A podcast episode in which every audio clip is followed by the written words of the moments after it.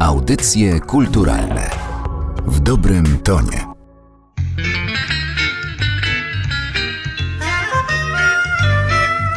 Czterdzieści lat minęło jak jeden dzień. Już bliżej jest niż dalej, o tym wiesz. Czterdzieści lat minęło, odeszło w cień i nigdy już nie wróci. Rób co chcesz. Przy mikrofonie Katarzyna Oklińska, dzień dobry Państwu. Porozmawiamy dziś o serialach. Większość z nas je ogląda, część zżywa się wręcz z bohaterami jak z najlepszymi przyjaciółmi. Naszym gościem jest dzisiaj Katarzyna Czajka-Kominiarczuk, znana w sieci jako zwierz popkulturalny, autorka kolejnej już książki, tym razem o serialach właśnie, zatytułowanej Seriale do następnego odcinka. Dzień dobry. Dzień dobry. Do lamusa odeszły czasy, w których oglądanie seriali było passé. Klan, M jak miłość i Modę na sukces zastąpiły Gra o Tron, Royst czy Wataha. Dlaczego tak się stało? Czy powodem może być fakt, że seriale zaczęły poruszać coraz bardziej poważne, coraz bardziej aktualne tematy według Ciebie? Tak, to znaczy za tą zmianą stoi szeroka zmiana na rynku serialowym, która wynika z tego, że pojawiło się na nim coraz więcej graczy, którzy z kolei zaczęli szukać coraz to nowej widowni. Te wszystkie seriale, które wymieniłaś na początku, te polskie, to seriale takie typowo codzienne, czasem raz w tygodniu kierowane do gospodyń domowych, do osób w średnim wieku, które znajdują sobie tam pół godziny, godzinkę w ciągu dnia między obowiązkami domowymi i oglądają telewizję, mają na to czas. I ten model telewizji jest bardzo stary. To jest taki model, gdzie są tak kilka programów. Natomiast od lat 90. szturmem zaczęły na rynek wchodzić telewizje kablowe, które oferowały widzom jakość premium. Najlepsze filmy, najlepsze programy, największe budżety. I wtedy zaczyna się ten przełom, który nazywamy telewizją jakościową, czyli zaczyna się pojawiać chociażby rodzina Soprano, która wyważyła drzwi i pokazała, że serial współczesny może być i fabularnie skomplikowany, i nieoczywisty, i także produkcyjnie stać bardzo wysoko. A jaki byłby to serial w Polsce? Czy jest taki odpowiednik? Taki odpowiednik, który by tak wyważył drzwi, nie wydaje mi się. Znaczy, mówi się często, że te produkcje, które w Polsce robi Kanal Plus czy HBO, pokazują, że ta granica tego jakościowego serialu w Polsce jest blisko. Na przykład Wataha wspomniana. To też był taki jeden z pierwszych seriali, o których mówiono, że w sumie tam produkcyjnie już niewiele można dodać, tak? To już jest ten poziom, to już są ci aktorzy. Natomiast w Polsce to wygląda trochę inaczej, dlatego że w Stanach Zjednoczonych przez bardzo wiele lat było tak, że była taka bańka aktorów filmowych i bańka aktorów telewizyjnych. I można było z telewizji awansować do filmu, no ale się z filmu nie schodziło do telewizji. Natomiast to się zmieniło. Właśnie seriale jakościowe sprawiły, że no, najlepsi aktorzy świata grają obecnie w telewizji. W Polsce to wygląda inaczej, ponieważ ryneczek filmowy mamy taki mały, no jak na skalę światową, że jesteśmy przyzwyczajeni, że aktor wybitny może grać i w serialu, i w teatrze, i w filmie, tak? I jesteśmy absolutnie przyzwyczajeni, prawda? I w reklamie jeszcze dodałabym. Tak, tak, i w reklamie. No ale nawet jeśli nie gra w reklamie, no Holoubek na przykład grał u nas w serialu, prawda? Człowiek w ogóle go nie kojarzy ze światem serialowym, a jednak grał, więc mamy trochę inną optykę.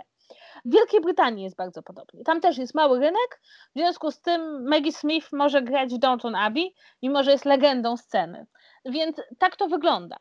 I kolejną rewolucją, która sprawiła, że seriale jakby już na stałe stały się takim elementem naszej kultury, bez której w ogóle nie da się obejść niemalże, no to to jest rewolucja, która wprowadziła platformy streamingowe, bo to sprawiło, że zmienił się system dystrybucji i dwie rzeczy się pojawiły. Po pierwsze fakt, że nagle mamy bardzo szybko dostęp do wszystkich produkcji zagranicznych. To sprawiło, że to przez seriale wchodzimy do tej kultury świata. Mamy poczucie, że i w Ameryce, i w Europie, w ogóle wszędzie wszyscy oglądają to samo, więc bierzemy udział w tej międzynarodowej konwersacji kulturalnej, co jest bardzo miłe, nie ukrywajmy. No a druga sprawa jest taka, że dzięki algorytmom, dzięki systemom poleceń, dzięki temu, jak są skonstruowane te platformy, one same nam podsuwają, co chcemy obejrzeć. Tak jak normalnie w telewizji, jeśli na przykład mieliśmy zajęte czwartkowe wieczory, kiedy tak typowo lecą seriale, to mogliśmy coś przegapić, nie załapać się, było za późno, trzy sezony później się dowiedzieliśmy, no to platforma streamingowa nam mówi, A, przegapiłeś trzy sezony, nieważne. Możesz je obejrzeć dzisiaj w nocy. Tak, otóż to. Dzisiaj w nocy obejrzysz trzy sezony, a rano już będziesz mieć z czym porozmawiać ze znajomymi. Więc wydaje mi się, że to są takie kroki, które nas zaprowadziły. Przy czym nadal chciałabym powiedzieć, że seriale takie jak Klan, M jak Miłość, Na dobre i na złe są bardzo ważne, bo one wciąż mają wpływ na ludzi, którzy je oglądają i wciąż stanowią dla bardzo wielu osób podstawowe seriale, które oglądają, bo tu jednak te różnice przechodzą pokoleniowo, powiedziałabym. To znaczy myślę, że prawie każdy, kto ma babcię, ma babcię, która ogląda jakiś serial codzienny. Może się do tego przyznaje, może się nie przyznaje. Ale ogląda. Ale ogląda. Deszcze niespokojne potargały sad, a my na tej wojnie ładnych parę lat. Do domu wrócimy, w piecu napalimy, nakarmimy psa.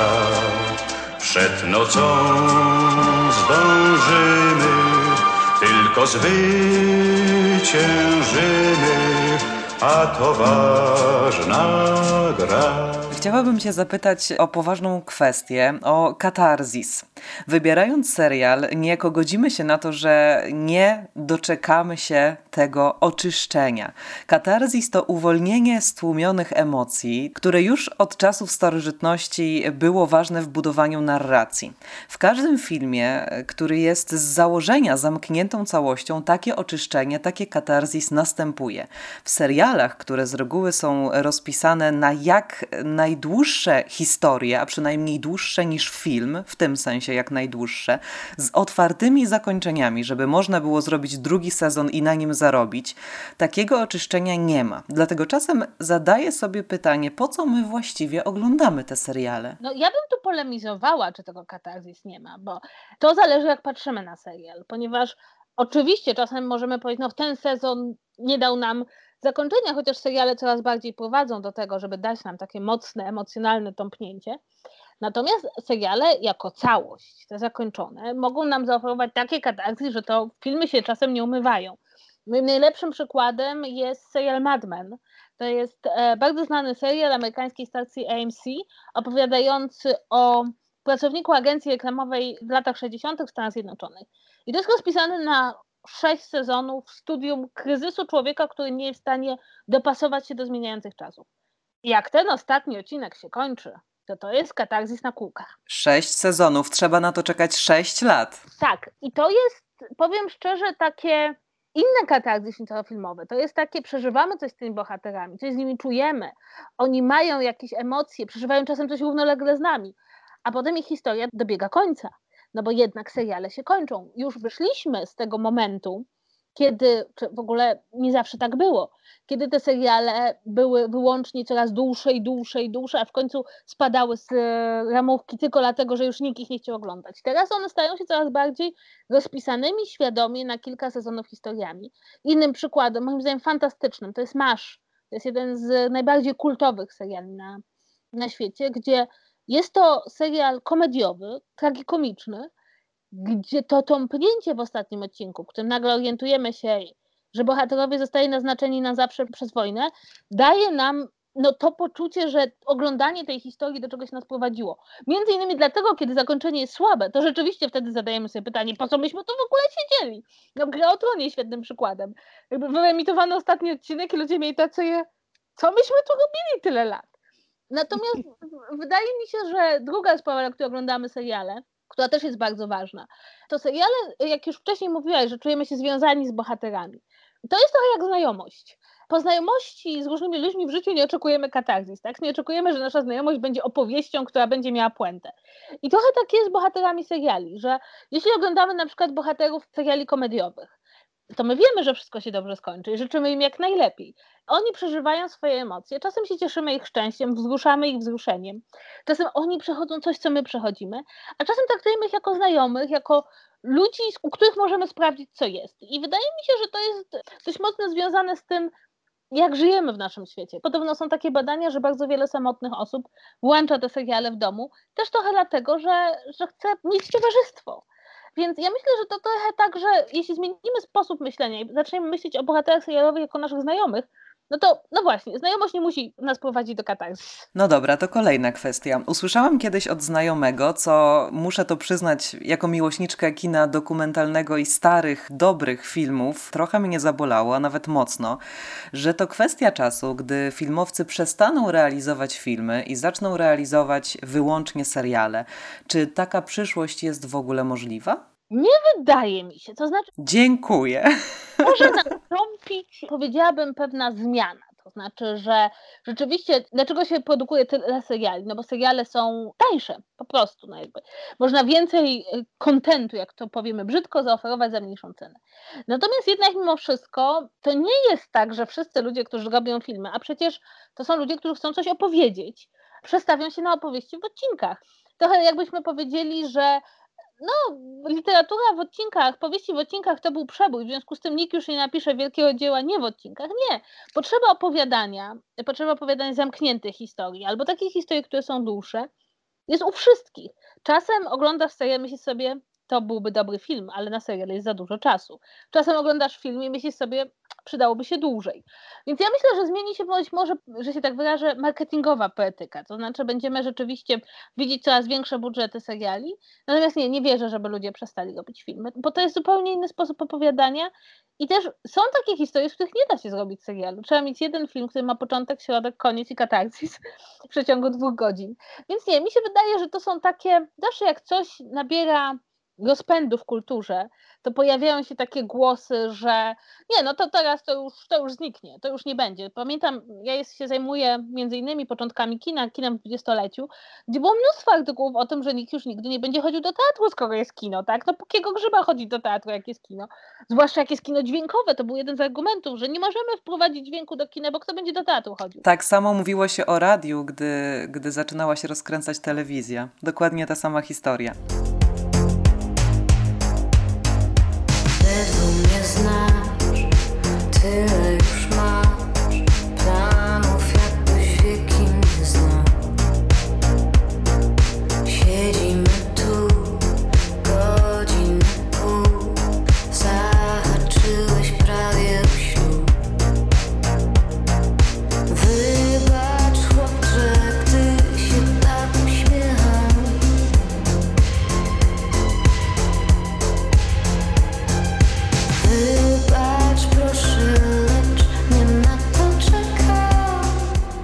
Pewnie na słowo serial wiele osób reaguje tytułem serialu, który właśnie ogląda, którym właśnie się fascynuje. Myśli o bohaterach, z którymi zaczyna się utożsamiać, z którymi zaczyna się zaprzyjaźniać. Ale co byś powiedziała na przykład na Alternatywy 4, czy Janosika, albo Czterech Pancernych i Psa? Czy te seriale w ogóle mieszczą się w tej samej kategorii seriali, o których teraz rozmawiamy? Ja osobiście uważam, że tak tak, jak najbardziej. Zresztą, jak sobie tak myślę, to, to były seriale, które są bliższe naszej dzisiejszej definicji serialu jakościowego niż cokolwiek, co powstało później. No bo pomyślmy, krótkie sezony, zgodnie z serialem jakościowym. Po prostu cały kraj siedzi i ogląda, zgodnie z serialem jakościowym. No jednak wartość produkcyjna Czterech Pancernych i Psa to było coś, tak? To, czy Janosika, no dzisiaj się tak w plenerach nie kręci. Najlepsi aktorzy krajowi grają, grają jest młody aktor w Czterech Pancernych Wsie, gdzie wszystkie dziewczyny się podkochują. No jest. No, no więc wszystko się zgadza. Powiem szczerze, że, że myślę sobie, że to jest bardzo ciekawe, bo no trochę z konieczności, trochę dlatego, że nie było innej opcji. Te seriale zatrudniały najlepszych scenarzystów, zatrudniały najlepszych aktorów. No i jak się ogląda Alternatywy 4, to człowiek po prostu wzdycha tak na zasadzie, kurczę, dzisiaj to by było wydarzenie niesamowite, jakby nam się coś takiego udało nakręcić. Zresztą nie ukrywajmy, że Wilhelm jako anioł to jest jedna z najlepszych ról, jaką w Polsce w ogóle stworzono. W filmie, telewizji, nieważne, to jest po prostu genialna rola. I ja myślę też, że najważniejsze, co łączy te seriale ze współczesnymi serialami, no to jest ten związek emocjonalny. No, prawda jest taka, że związek emocjonalny pewnego pokolenia z czterema pancernymi psami to jest nie do przebicia, tak? To znaczy, ja do dzisiaj spotykam do dorosłych ludzi, którzy wiedzą, kim byli, jak się dzieci bawiły na podwórku w postaci serialu i jak raz zostali, to już zawsze, prawda? Do końca życia. Tak, ilu my mamy tych Janków w Polsce, to nikt nie zliczy. Więc myślę, że to jest bardzo ciekawe, bo Polska ma, zawsze się skarżymy na polskie seriale, ale prawda jest taka, że mamy bardzo dobrą tradycję serialową. Dom to jest taki serial, przecież Polskie Drogi, Daleko od Szosy, to są takie seriale, że jak dzisiaj się rzuci te tytuły, no to po prostu związek emocjonalny, jaki ludzie mają z tymi serialami, z 40-latkiem, ile mamy cytatów, jest niesamowity. No dobrze, ale wymieniasz seriale sprzed już jakiegoś czasu, przynajmniej kilkudziesięciu, no sprzed kilkudziesięciu lat. A co teraz? Jak polskie seriale wyglądają na tle tych zagranicznych? Czy mamy się czym pochwalić? Wydaje mi się, że nie jest aż tak źle, jak nam się wydaje. To znaczy, jest taka polska zasada, że jak robi się polsce serial, to wszyscy mówią, że to jest beznadziejne, po czym biorą hollywoodzką produkcję i porównują i wychodzi im, że są różnice produkcyjne. No są, nie ukrywajmy, ale rzeczywiście w ostatnich latach mam wrażenie, bardzo dużo się ruszyło. Znaczy, nie tylko zaczęły się pojawiać seriale takie jak, nie wiem, Belfer, jak Royst, jak właśnie Wataha, które są po prostu fajne do oglądania, ale też był taki moment, kiedy wzorem polskiego serialu było trochę Magda M i Brzydula. Obyczajowe, bardzo często na licencji, bo też bardzo lubiliśmy kupować i nadal lubimy kupować licencje, dziejące się w takim ładnym świecie alternatywnej Polski, trochę bez wyrazu, tak? Tak, one istniały, ludzie oglądali, ale one nie miały tego czegoś. I w ostatnich latach, jak na przykład w Ślepnąc od świateł chociażby, zaczęły się pojawić elementy stylu. To znaczy, jakby dogoniliśmy to, że serial najlepiej się sprzedaje, kiedy jest emanacją stylu jego twórców. Autentyczny. Tak, kiedy ma własną osobowość. I oczywiście zdarzają nam się kiksy i zdarzają nam się seriale, które mogły być lepsze. I czasem mam wrażenie, że widz, który się wychował na serialu amerykańskim czy angielskim, ma trudność, żeby się dostosować do serialu polskiego. No chociażby jak oglądamy Króla, tak? No to Król może się starać, ale on nie będzie tak piękny jak Peaky Blinders, bo nie mamy takich pieniędzy, jakie ma BBC na spółkę z HBO i też takiej tradycji. Więc e, mam takie poczucie, że idziemy w dobrą stronę i widać też, że dużo się w te seriale inwestuje. To znaczy, że stacje telewizyjne i platformy chcą robić te seriale w Polsce. I to mnie bardzo cieszy, bo nie ma lepszego sposobu, żeby dojść do tych naprawdę super seriali, niż, niż się uczyć, że się tak wyrażę, na żywym organizmie widzów. To powiedzmy jeszcze o tym, że seriale mają też pewien walor edukacyjny, o czym piszesz w jednym z ostatnich rozdziałów swojej książki, a nawet wysuwasz teorię, a jesteś historyczką, więc to pytanie jest zasadne, że seriale mogą zastąpić w pewnym zakresie podręczniki do historii. To znaczy nie do końca zastąpić podręczniki do historii, oczywiście, że nie. W pewnym zakresie, może jako uzupełnienie. Tak, historia w serialach jest poddana rzeczywiście narracji dramatycznej, i też jest dostosowana do naszej współczesnej estetyki. E, ja myślę, że pod pewnym względem seriale na pewno mogą stanowić doskonały punkt wyjścia do zainteresowania się pewnymi epokami, pewnymi postaciami. Seriale, ponieważ szukają ciekawych narracji, to odkrywają przed nami te fragmenty i postaci, których mogliśmy zapomnieć. Czasem, ponieważ znowu wątki obyczajowe są bardzo pożądane, koncentrują się na jakich elementach historii społecznej, która nam w ogóle bardzo często umyka. No i też seriale przede wszystkim najwięcej nam mówią, jak chcemy pamiętać naszą przeszłość, tak? Ja zawsze się bardzo śmieję, że Dalton Abbey to powinno się pokazywać jako jak klasa społeczna chce pamiętać samą siebie, bo Julian Fellowes ma wyższe pochodzenie społeczne i napisał scenariusz, który pokazuje tych arystokratów w dosyć korzystnym świetle. Niemniej zainteresowanie modą, obyczajami, tym jak się żyło w takim dworze, no to może właśnie w nas zaiskrzyć, że się tak wyrażę, po obejrzeniu takiego serialu, a nie znajdziemy tego w podręczniku do historii, bo ten będzie się koncentrował bardziej na działaniach wojennych, które zresztą całkiem nieźle są w serialach oddawane, no chociażby mówiąc o Pacyfiku czy Kompanii Braci, no, które mają więcej czasu niż filmy wojenne, w związku z tym mogą nam pokazać takie elementy działań wojennych, których normalnie nie widzimy. Nie polecam się uczyć historii seriali, ale polecam uczyć się o tym, jak opowiadamy historię z seriali, bo to jest też część historii, prawda? Jak co pamiętamy. Na końcu książki zamieściłaś listy z serialami. Na przykład 10 sitcomów, 10 seriali młodzieżowych, 10 seriali historycznych. Nie wpadł ci do głowy pomysł na zrobienie listy 10 polskich seriali? Nie chcę tutaj na siłę udowadniać, że nasza kinematografia, polska kinematografia ma się dobrze, ale na wszystkich twoich listach, z tego co pamiętam, z tego co tak pobieżnie przejrzałam, nie ma ani jednego polskiego tytułu, i zastanawiam się, z czego to wynika. Z moich osobistych preferencji, bo te listy robiłam ja sama i ja zdecydowanie jestem osobą, która się wychowała na serialach angielskich i amerykańskich i one dla mnie stanowią punkt odniesienia.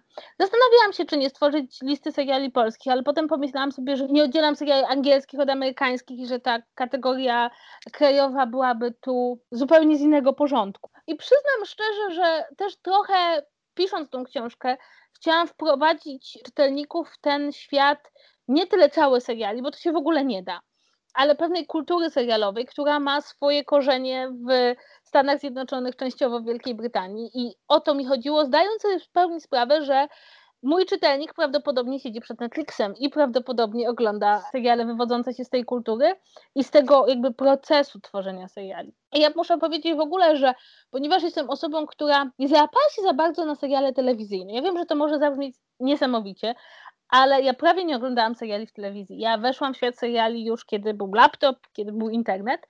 No to jednak mimo wszystko moją pierwszą myślą było zawsze nadgonienie tego, co się dzieje na zachodzie. Natomiast no, wiele seriali przegapiłam polskich, także dlatego, że jak mówię, stylistyka tych seriali wczesnych lat 2000, które były takie słodkie, piękne i wszystko się działo wśród mebli Ikei w Warszawie, no doprowadzała mnie do, do takich stanów, powiedziałabym, bardziej depresyjnych niż radosnych. Nie mam nic przeciwko polskim serialom, to od razu chciałabym powiedzieć, nie jestem żadną hejterką, nie uważam, że w Polsce nie da się zrobić dobrego serialu. Widziałam stare seriale, widziałam i 40-latka i Alternatywy 4, ale to już też po czasie. Natomiast, no nie, no nie miałam takiego poczucia, żeby to było w zgodzie z tym, jak ja konsumuję kulturę serialową. Jeśli będzie drugi tom, a chciałabym, żeby był, bo tematów, których nie omówiłam jest mnóstwo, to obiecuję, że będzie tam o polskich serialach. Trzymam Cię za słowo. Bardzo dziękuję też za to spotkanie. Naszym gościem był dziś zwierz popkulturalny i chcę tylko dodać, że w książce są przecinki i to jest informacja dla tych osób, które zaglądają na bloga Kasi Czajki Kominiarczuk, której bardzo dziękuję za poświęcony czas i za książkę, za przyjrzenie się serialom tak wnikliwym okiem. Dziękuję bardzo.